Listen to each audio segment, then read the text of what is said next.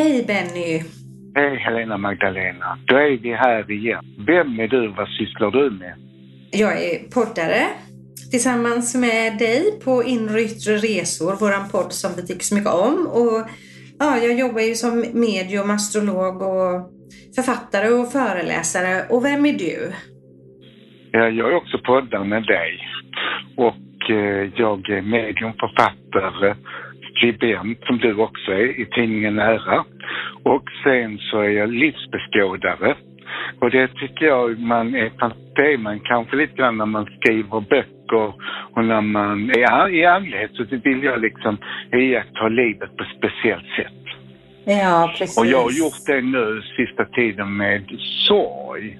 Mm. För eh, jag fick ju en sorg för ett par månader sedan utav att min morbror gick bort som var min älskade, som en storebror, familjemedlem och som var jul och som var allting för mig. Och så hade han en man som ett, har, hade får man ju säga, har en man som heter Mm. Joakim Achim som var tysk och de träffades när Gert var 18 och Joakim var lite efter 20, kanske 23-24. Så Oj. han var lite äldre då, äldre och äldre men det var, eh, och deras kärlek var ju fantastiskt och väldigt förbjuden. Du kan tänka detta var ju 60, jag är född 62 så de träffades 63. Det var Ja. ingenting man gjorde på den tiden. Man, var, man levde ju inte ihop med en man och sådär. Så de var modiga. Så de stod upp för sin kärlek och flyttade ihop. Och så var de de första i Malmö som gifte sig i en kyrka också. De gifte sig borgerligt först när man fick det.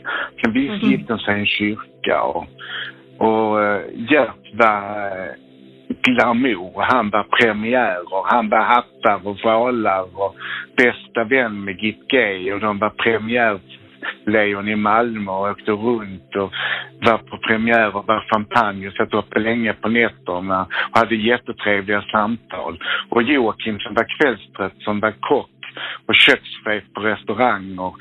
Totalt motsatsen, kanske lite tyst. Och Gert var introvert, extrovert och Joakim var introvert. Men de älskar varandra för de kompletterar varandra. Mm. Och Joakim, han älskade växter och trädgård, och pyssla och klippa i sin trädgård och älskade laga mat. Mm. Och det var liksom, så när jag var liten så lekte jag inte mamma, pappa, barn utan med min syster jag lekte Gert och Joakim. Ja. Och jag var Joakim och min syster var Gert. Och vi lekte dem och sen så när Gert dog så försökte jag gå dit ett par gånger och säga, nu är det så att Gert har gått bort och han uppfattar inte det. Fast jag sa det, men han var ju dement. Han har tandlotsdemens som är ganska svår avancerad demens. Mm. Jag var där tre gånger och sen så var jag där till slut då med mina kusiner för någon vecka sedan innan jul. Då var vi där och då pratade vi om Gert och, och då var det precis som det gick in och då sa han min Gert, min Gert, min Gert. Och han grät då, då blev han ledsen. Mm. Och, eh, och han har satt där själv. Och den som gick till honom på hemmet det var ju liksom Gert. Så det var ju så tomt. Så jag Mm. bestämde mig för att vara mycket där. Så mycket jag kunde. Jag tänkte jag ska inte bli ensam i alla fall. Så även om inte Gert kommer dit. Mina kusiner var där mycket också. Så vi, Anki och Vanja, vi gick dit så mycket vi kunde. Och jag var där mycket för jag bor precis bredvid. Och eh, sen så han, dagen eller innan jul så köpte jag tyska julkakor till honom. Och då pratade han bara tyska med mig. Jag kan förstå tyska för jag har hört det mycket med honom men det, jag är inte så bra på det. Men jag kunde säga kyss när jag gick hem. Men Mm. eh, det var så att när vi satt där så ringde det på den där larmknappen i vårt rum hela tiden. Nu ringer det igen. Nio gånger kom det. Nu ringer det igen. Ja, men vi ringer inte. Och då förstår vi, och då förstår vem det var som kallade på uppmärksamheten. Ja. Det var ju Gert som var där när vi var där. Han ville ju att jag skulle se till att Joakim skulle släppa taget och att han skulle komma, men det gjorde jag ju inte för det. Men eh, så jag tror det är Gert som är här. Och då skrattade Joakim. Mm. Ja, det, så sa han, ja det är han. Gert är Ja. här. Ja, det här, sa han. Ja, Mm. och det var fantastiskt ju. Och sen så, så för en vecka sedan så sa han, när eh, Sol, som var den som passade honom mest och som var nära honom i de fyra år han bodde på det hemmet, Lindeborgs vårdhem, avdelning A. Hon har ju skött om honom så mycket så de fick en speciell relation. Så när hon ville ge honom vatten så sa han, nej, jag vill inte. Nu Nej. vill jag till Gert. Och Mm. på ett par dagar så bara låg han. Och jag var där och jag satt där senast igår. Och via appen så tänkte jag i och med att han, jag har sagt du får lov att släppa taget, du får lov att gå till Gert. Han väntar på dig med din mamma och min mormor och alla mostrarna står där. Alla tanterna står och väntar på andra sidan på dig. Mm. Eh, Så jag sa det till honom och sen blundade han och blundade. Men igår när jag kom så tittade han på mig och det var precis som jag förstod liksom att nu är det inte långt till kvar. Han har andningsuppehåll men de sista dagarna innan han inte tittat utan han var inne i sin egen värld. Det var precis som han tittade, som han sa adjö, som det Mm. var något till mig. Och så sa jag på tyska via min app så översatte jag Joakim, du får lov att släppa taget. Du Mm. får lov att gå till Gert. Han väntar på dig på andra sidan. Två och en halv timme senare så har han lämnat och sitter Sol och en arbetskamrat till henne och höll honom i handen. För jag, de fick inte tag i mig för jag hade ju telefontid. Jag Mm. hade ju på måndagarna. Så de var så fantastiska. Så tänk vilken vårdpersonal som Mm. sitter och håller folk i hand. Ja. När, de, när de lämnar jordelivet, det är fantastiskt tycker jag. Ja. Vilket jobb alltså de gör egentligen Ja. alltså. Och vara ställföreträdande sådär. Men jag hade varit där innan för jag ville att han inte skulle veta att han var ensam. Att vi, vi älskar honom, vi släktingar. Han har ju varit som en familjemedlem för oss. Mm. Så det är en sorg. Jag Ja. sänt ett ljus på honom. Jag är så glad att han slipper sin svåra del av livet. Att han är med Gert nu. Mm. Så sorgen kan ju bli förlösande, eller döden är förlösande och sorgen är min. Därför han har lämnat den fysiska kroppen. Mm. Men i mitt hjärta bor de ju alltid kvar på något sätt. Och en del av mitt, mitt hjärta och en del i mitt familj. Men jag har Ja. mina kusiner, jag har min syster, jag har hennes barn. Så att, och jag har mina vänner som, och dig som en vän och Jörgen. Så jag har en annan familj också. Och det är Ja. fantastiskt vackert i sig själv tycker jag. Mm. Men sorgen, den kan ha olika utseende tycker jag. Mm. Mm. Ja, och vi, vi har ju pratats vid lite tidigare idag så jag har ju också beklagat sorgen till dig och jag är också tacksam att du har fått eh, den här möjligheten nu att kunna vara så mycket hos Joakim också efter Gert, efter Gert gick bort och är oerhört betydelsefullt.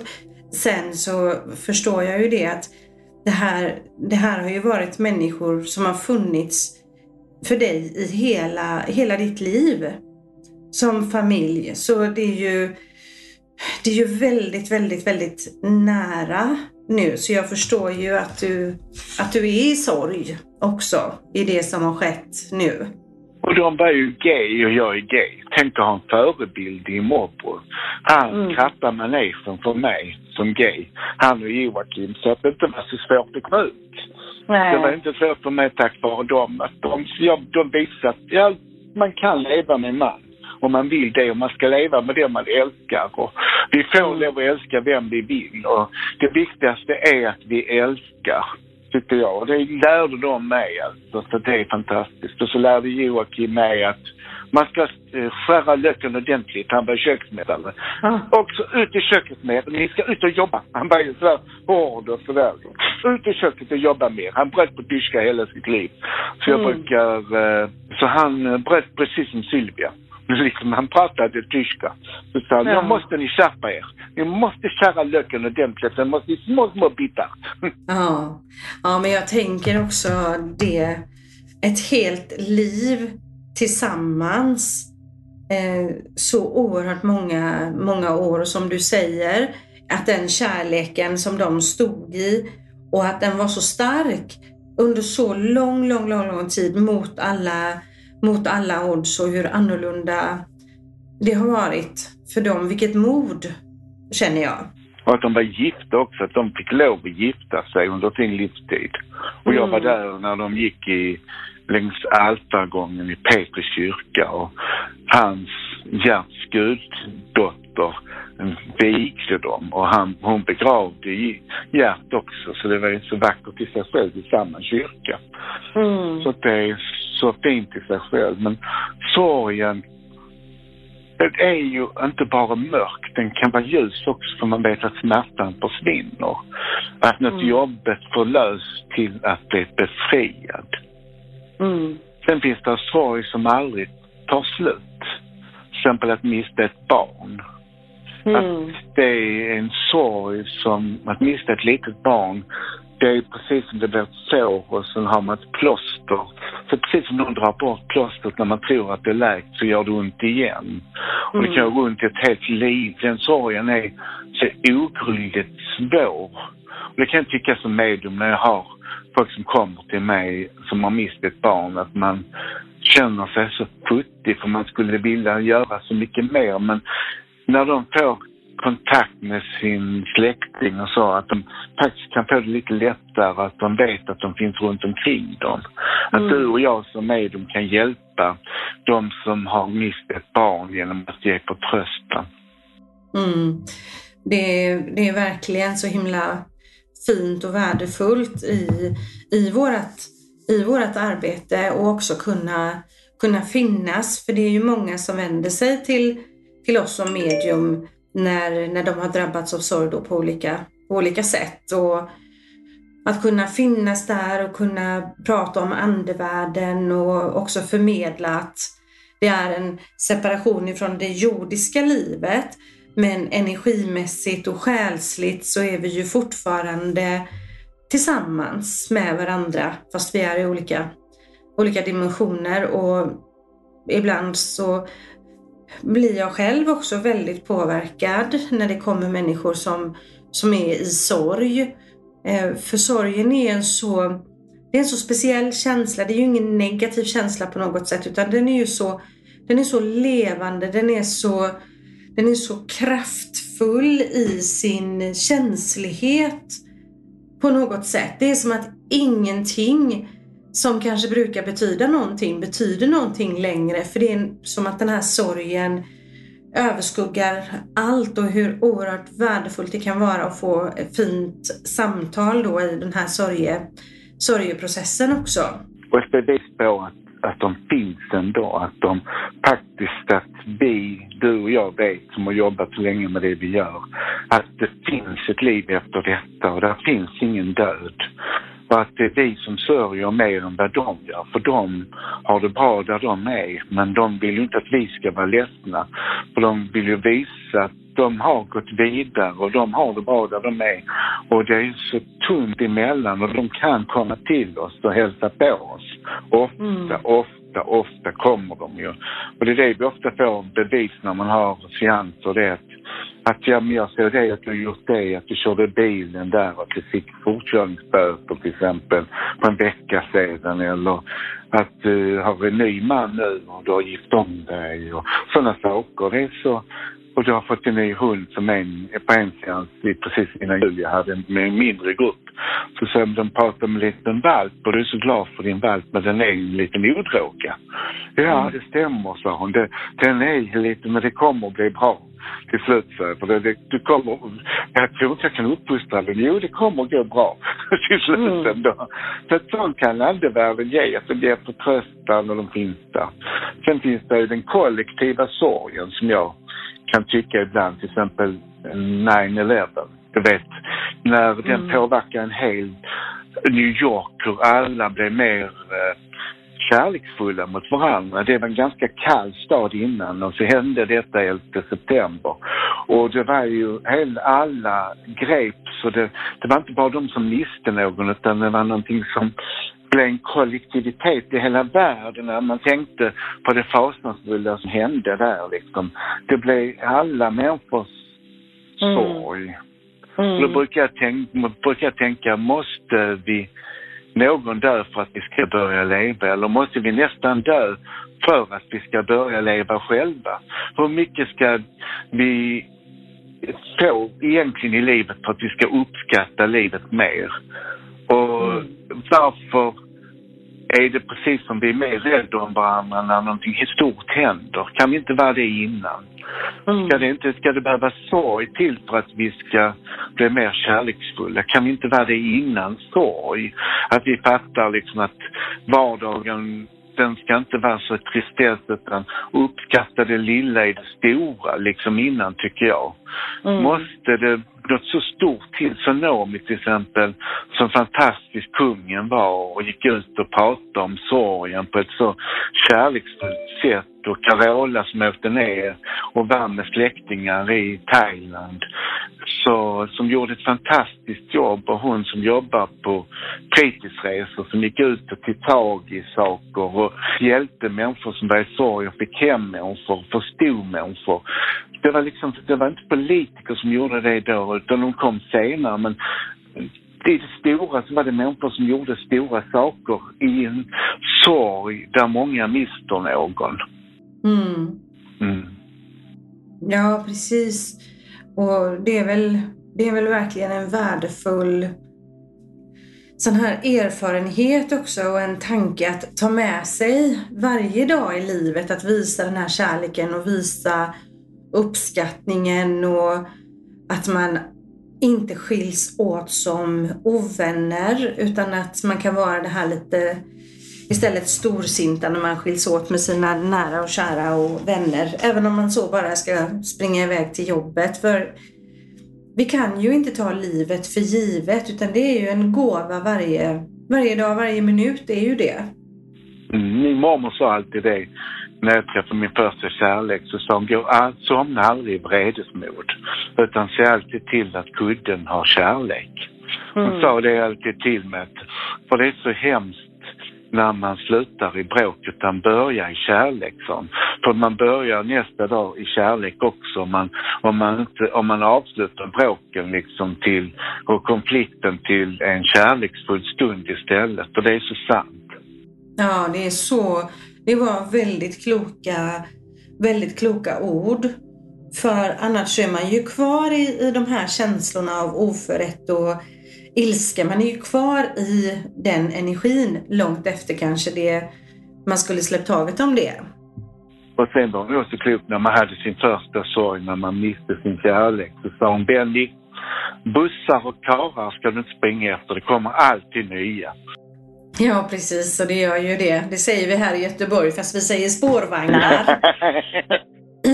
ja, nej men det är, det är verkligen det. Att om vi kunde liksom mer ta till oss det här vackra i vårt dagliga liv och ta tillvara på livet som en gåva. För vi vet inte när det är över och det är ju också det som är när vi när vi, när vi är i sorg, när vi har förlorat någon när och kär. För vi har ju den här jordiska separationen, det är ju där smärtan sitter, att man skiljs åt och man är inte fysiska tillsammans. Eh, men själva sorgen och bearbetningen som man går igenom, alla, alla minnen och så här. Det är, ju, det är ju väldigt fina känslor som också kommer i samband med, med sorgeprocessen man går igenom. Och det är bevis på att man har älskat.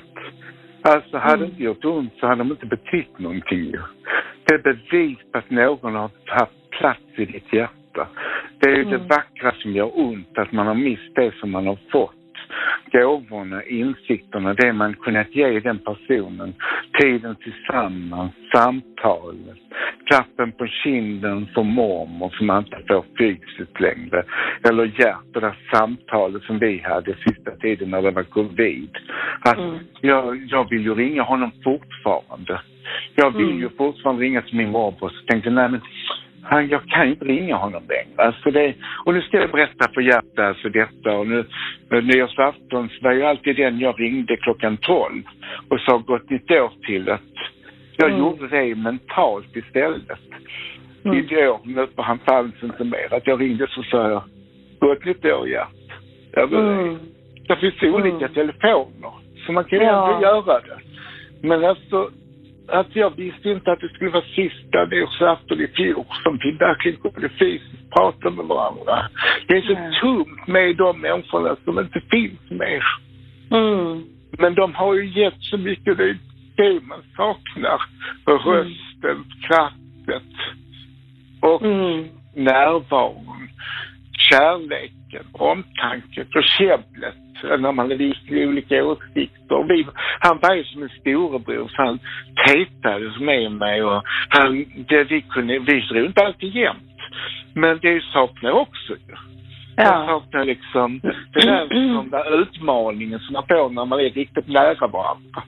För det är bevis på att man är nära varandra när man bråkar ibland. För, för om ja. man inte är nära så kan man inte utmana varandra. Nej, så det, precis. det saknar man också. Mm. En av, ja. mina, en av mina starkaste upplevelser jag har haft, det var ju faktiskt för något år sedan så, så min då pojkvän, han skulle gå och träna.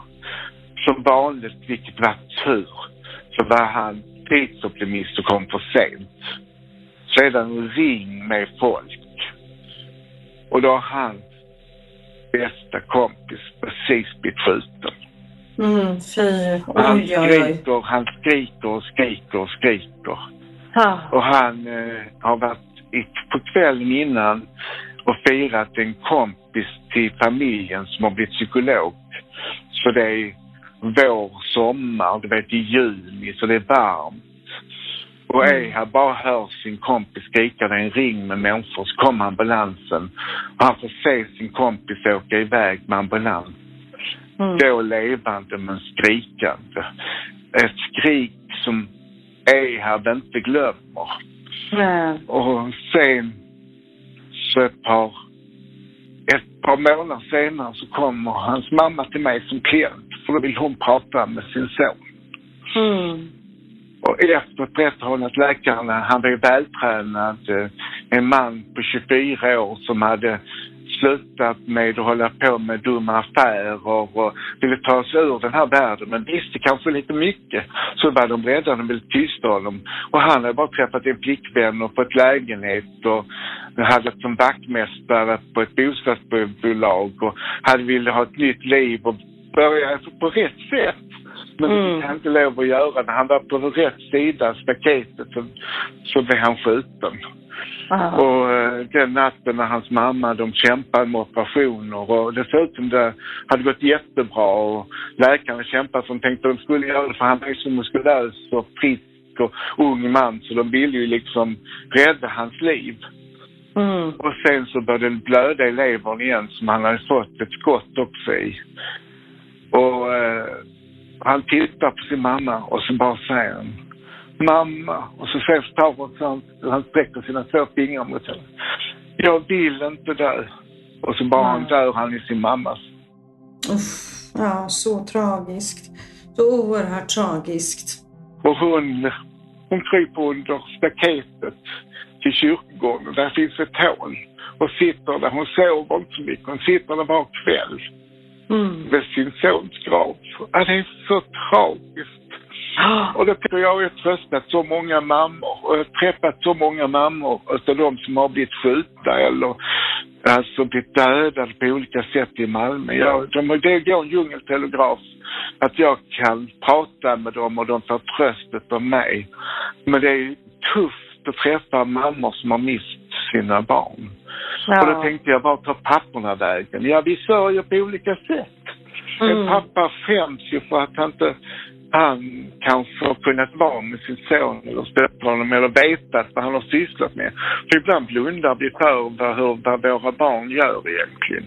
Att mm. kanske kvinnan lever ut sorgen på ett sätt och lever ut den genom att gråta, genom att prata om det. Men mannen han sörjer lika mycket. Han har samma rätt till sorg fast den ser annorlunda ut. Att Ja. vi sörjer olika som man och kvinna därför vi är uppfostrade på olika sätt. Men känslan, ledsenheten, sorgen finns där för båda. Mm. Ja, verkligen. Verkligen. Och ehm, jag tänkte mycket på det när min dotter förlorade sin pojkvän då. Eh, och han var ju bara 20 och skulle fylla 21. Eh, och det var ju en jättetung sorg såklart för oss, för oss alla. Och då, då tänkte jag också på det att jag hade ju jag, jag hade många vänner som jag kunde prata med. Alltså sätta ord på de här känslorna och ja, hur svårt allting var. Men jag märkte också det på min före detta man då att han, han bar väldigt mycket inom sig och det är väl kanske så att, att många, vi pratar om det här liksom, männen kanske har svårare att sätta ord på sin sorg och att de mår dåligt och vem ska man prata med egentligen och så blir det kanske det här mer att man bär inom sig men det gör ju lika lika ont och är lika smärtsamt ändå såklart. Mm, det gör- är det ju. Och sen är det också att vi reagerar olika på när människor har sorg. Vissa är duktiga på att finnas där och stötta och vissa de tycker det är nästan som en sjukdom när människor har sorg och är ledsna för de klarar inte av det. Nej, de klarar inte av det. Nej, de, det är en viss typ av människor som stöttar en också när man får sorg eller när någonting händer. Man Mm. ser vem det är som hör av sig nu när Joakim har gått bort, vem som stöttar en. Och det är bara att man är rustad på olika sätt för att klara sådana här situationer. Eller vissa människor är bra på vissa saker och vissa människor är bra på någonting annat. Men det är rätt intressant att det är en viss typ av människor som alltid finns när det är svårt i livet, att de finns där. Mm. Och det är Precis. riktiga vänner och det är nära vänner som finns där. Och man ser ju också vem som verkligen är ens vän när han går igenom någon prövning. Det behöver inte vara sorgbart, men när man går igenom något svårt.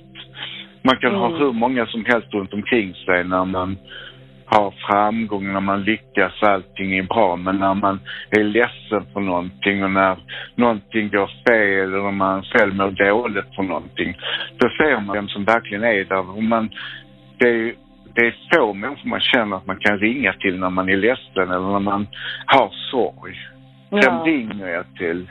Och då kan man börja räkna ett par stycken på ena handen. Mm. Och då är man ändå rik som har någon. Tänk på de män. För det finns en undersökning som sa att vissa män har inte en endaste vän att prata med om djupa saker. Nej, nej. Nej, det är, och det är ju så oerhört viktigt. Det här liksom att känna att man faktiskt har någon att prata med. Och jag tänker också nu till alla våra lyssnare här. Om det är så att vi har någon som lyssnar på det här och, och kanske är i den situationen att inte ha någon att vända sig till och det kanske är lite tuffa situationer. Det finns ju det finns ju ett antal olika stödlinjer nu som man kan ringa till. Så man kan ringa och prata med jourhavande medmänniska i lite olika sammanhang. Och det har man ju förstått nu. Vikten av det att, att det ska bara vara att slå i alla fall ett telefonnummer och så finns det någon där som kan fånga upp en även om man mår jättedåligt och kanske är jätteledsen och ångestfylld och förtvivlad. Så man är aldrig ensam och utelämnad. Och ibland ringer folk till mig, unga människor, för de, då har de fått förtroende. Jag har, ofta har jag eh, unga människor att de ringer och vill prata på telefon. Vissa har jag aldrig träffat. Men så ser jag ett nummer som jag känner igen och så svarar jag. Och jag sover inte så mycket så de, det är ofta då vid två eller så är jag vaken vid fyra. Så ser jag att de ringer och då pratar jag med dem för de kanske inte har någon att prata med. Nej. Och det är Nej. fantastiskt. Men det, ibland orkar man inte med i själv, för man måste ju få vila emellanåt också. För det känns som man kan ju, man vill ju hjälpa men man är ju inte, man måste ju få lov att bli stark också för att kunna hjälpa också. Ja, ja och det är också viktigt. Och dels när man jobbar så som vi gör, vi träffar ju många, många människor och hjälper många människor. Och det är som du säger att ibland så måste man också få vila. Och också ibland så kanske man också behöver hjälpa en människa att få den kanske att kontakta psykiatrin eller, en annan profession för att den kanske behöver hjälp på ett annat plan också. Och det är också en viktig del i vårt arbete att kunna ja, skicka vidare och hjälpa till på vägen. Hitta psykologer, psykiatri, akutmottagningar och säga att du behöver hjälp och du är kanske psykotisk och du, du är faktiskt inte frisk nu och du behöver annan hjälp än vad jag kan ge dig. Och det är stort mm. att kunna göra det också tycker jag. Men en gång en natt så var det en kvinna som ringde mig. Det är många år sedan men jag glömmer ju aldrig henne. Hon kom fortfarande till mig som klient och då jag hade haft gäster och jag hade diskat och så är jag precis och ringer. Då hade jag då på den tiden man hade telefon i jack så det ringer i telefonen. Så svarar jag då och nästan lite så, vem ringer klockan två på natten? Så säger jag, hej det är Benny. Hej, sa hon. Om jag inte får tecken av dig nu så kommer jag ta livet av mig. Du måste ge mig tecken och jag tar livet av mig här och nu. Och du får höra på under tiden jag dör. Om du inte hjälper, ge mig tecken från andevärlden så att du ger mig bevis. Och jag bara tänkte, varför svarar jag? Jag tänkte, ja. tänk om jag får höra hon dör. Och så tänkte jag, var är min guide nu? Ge mig tecken. Och så fick jag tecken sa, detta kan jag inte säga. Så till min mm. guide, jo, säg det. Så sa jag, mm. har du maskeringstejpen hemma? Ja. Då tejpar du runt fönstret som du har tänkt. Och sen så tejpar väldigt noga runt dörren till köket för den är inte tät. Och sen så har du tänkt att du skulle gasa dig. Sätt på gasen för full patte. Är du klok, sa hon. Det är naturgas så du kommer inte dö. För det kommer inte hända någonting med att du kommer att få huvudvärk imorgon. Mm. Ja, det här, sa hon. Så det, nu fick du tecken, jag. Sen pratade vi. Och sen så skrattade hon.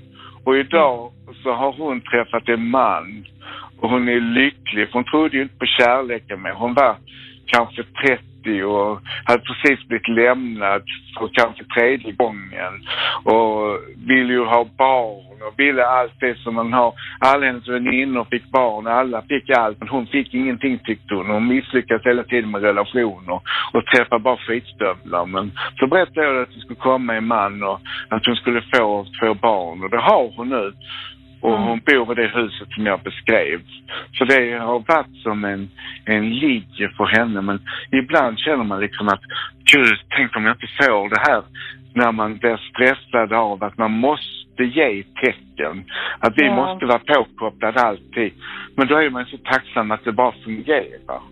Ja, det är ju så att när man får de här samtalen eller smsen eller så här mitt i natten, att de är ju inte alltid lätta för oss att bära. Det kan vara väldigt, väldigt tungt att bära de här. Eh, för då blir det som att en annan människas liv hänger på våra axlar och det blir en väldigt utsatt situation också. Mm, det blir det ju. Man vill ju... Det, om någon skulle ta livet av sig så har man ju misslyckats, tycker man. Ja. Men man kan ju inte, vissa människor de lyckas ju förr eller senare för de, de är precis, och det är ofta när de mår jättebra som de lyckas göra det. Och den sorgen som jag har fått ibland när det vänners barn eller någon sån, den har ju varit så stor för det har varit det dubbla. Varför var jag inte där mer? Och vad kunde jag gjort mer? Precis som en mm. förälder på något sätt. Mm. Varför var jag inte, varför såg jag inte detta och varför kunde jag inte lyckas mer med att vara det stödet? Kunde jag sagt någonting mer som hade ändrat den personens val? Mm. Och den där orimligheten, kraven på man har på sig själv som, om man ser det som ett misslyckande, det är det ju inte för man någonstans är de de personerna, de lyckas ju förr eller senare. De är som en bomb som så till slut väljer den då hur man än gör.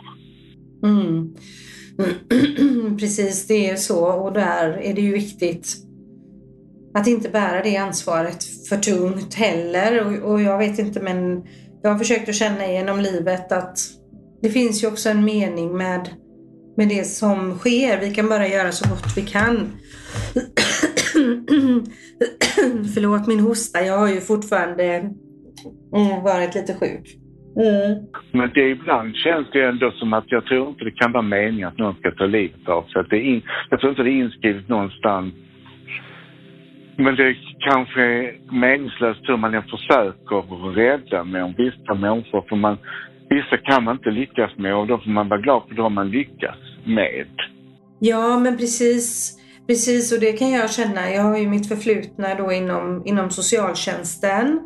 Eh, och eh, där var vi rustade på ett annat sätt att arbeta med människor i svåra situationer. Vi hade liksom samtalskontakt med vuxenpsykiatri och rehabilitering och så här. Där fanns det liksom ett team tillsammans där man kunde hjälpas åt på ett annat sätt. Eh, men det har ju inte vi på det sättet som enskilda medium. Vi kan bara göra så gott vi kan. Vi, vi är liksom inte några superhjältar vi heller. Utan vi gör ju alltid så gott vi kan. Men vi får inte lasta oss själva heller om, om det är någon som söker oss och sen ändå väljer att avsluta sitt liv. Mm. Sant. Men det som jag tänkt på ibland, då tänkte jag på den fina berättelsen med pojken på stranden med sjöstjärnor. Slänger han i dem i vattnet så sa en äldre man som kommer förbi, det är väl meningslöst. Här är miljontals. Säg det till den som ligger i vattnet.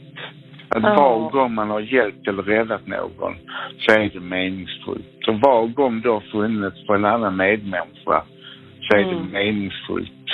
Och det behöver inte vara jag som gör det, det behöver inte vara du, men tänk att kunna hjälpa någon i en svår situation eller finnas där för någon som har sorg eller är ledsen eller leder någon människa till ett annat, ett annat beslut kan vara fantastiskt och vackert i sig själv. Att ta ett beslut att lämna en destruktiv relation, att ha sorg för någonting, att få människor att gå vidare från sorgen som kanske blir patologiskt, att börja leva igen. Eller mm. bli av med rädslor, att hjälpa människor att möta rädslan och släppa den.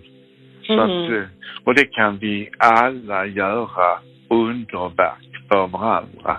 Att vara medmänniska är ibland svårt, men det är fantastiskt att vara det alltid. Mm. Mm. Det är sant. Det är sant. Det är så oerhört värdefullt att finnas för, för varandra. Att sträcka ut den där, den där handen.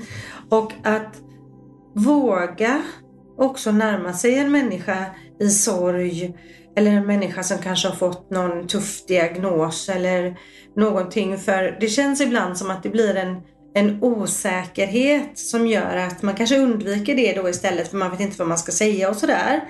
Men egentligen det är lätt att faktiskt lyfta på telefonen och säga Hej, det är jag. Jag vet att du har det tufft just nu men jag tänker på dig. Mm. Det behövs så lite men ger så mycket. Mm. Mm.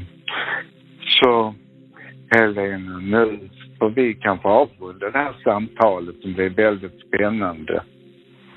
Så att eh, när du behöver det så sträck ut din hand och jag vet att du gör det till mig.